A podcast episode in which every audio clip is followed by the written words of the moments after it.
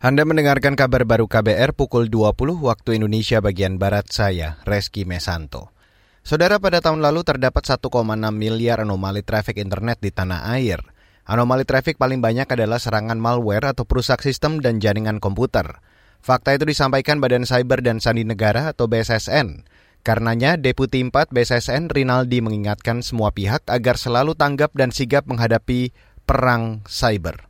Berdasarkan hasil monitoring traffic internet di ruang siber Indonesia oleh BSSN, tercatat lebih dari 1,6 miliar anomali traffic atau serangan dalam kurun waktu Januari hingga Desember 2021 dengan kategori anomali terbanyak yaitu malware, trojan activity, dan information gathering atau dikenal juga dengan pengumpulan informasi untuk mengetahui celah keamanan.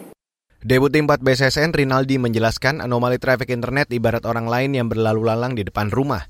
Biasanya hanya ada satu atau dua orang yang lalu lalang, tapi karena ada anomali traffic, tiba-tiba muncul puluhan orang yang lalu lalang.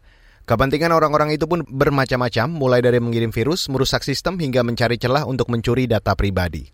Beralih ke berita selanjutnya, Saudara. Instruksi Presiden Joko Widodo atau Jokowi kepada Menteri Koordinator Politik Hukum dan Keamanan Mahfud MD untuk mereformasi peradilan di Indonesia dinilai keliru. Menurut pakar hukum dan dari Universitas Trisakti, Abdul Fikar Hajar, Presiden semestinya berbicara langsung kepada Ketua Mahkamah Agung jika ingin ada reformasi bidang hukum, sebab kekuasaan eksekutif tidak bisa mencampuri urusan yudikatif. Mestinya Presiden itu ketika mereka rapat bersama Ketua Mahkamah Agung, dia ngomong itu di situ langsung. Karena nggak bisa tangannya Mahfud pun, tangannya Menko pun nggak bisa masuk ke kekuasaan kehakiman. Beda gitu, beda beda ranah. Jadi keliru kalau mau memperbaiki kekuasaan kehakiman lewat Menko Polhukam. Menko Polhukam itu memperbaiki kekuasaan kehakiman sepanjang itu ranahnya, yaitu memperbaiki kepolisian dan kejaksaan. Pakar hukum Abdul Fikar Hajar menambahkan Presiden sebagai kekuasaan eksekutif dinilai hanya bisa mendorong pembenahan lembaga peradilan lewat Mahkamah Agung.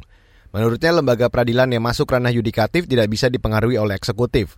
Sebelumnya Presiden Jokowi menyebut perlu ada reformasi bidang hukum di Indonesia pasca operasi tangkap tangan atau OTT KPK yang melibatkan Hakim Agung Sudrajat Dimyati.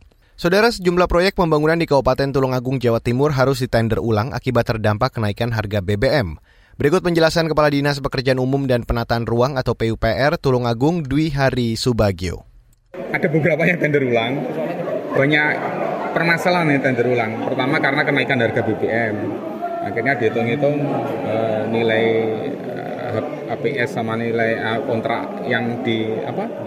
Yang itu kan mereka dihitung-hitung rugi. Akhirnya kita retender. Itu yang salah satunya. Juga ada permasalahan kaitannya memang nih penyedianya itu kita mempersyaratkan sangat ketat. Jadi alat ISO-nya kita persyaratkan. Terus mungkin dukungan kita persyaratkan. Artinya akhirnya beberapa rekanan tidak memenuhi standar alatnya itu Kepala Dinas PUPR Tulungagung Dwi Hari Subagio menambahkan, meski sejumlah proyek harus ditender ulang, tapi semua pengerjaannya diharapkan selesai akhir tahun nanti. Agustus lalu, 27 paket proyek perbaikan jalan dilelang Dinas PUPR Tulungagung, 5 proyek telah selesai dilelang dan pemenang lelang sudah membubuhkan tanda tangan, sementara 22 paket masih dalam masa sanggah. Terima kasih Anda sudah mendengarkan kabar baru yang dipersembahkan oleh kantor Berita Radio. Saya Reski Mesanto.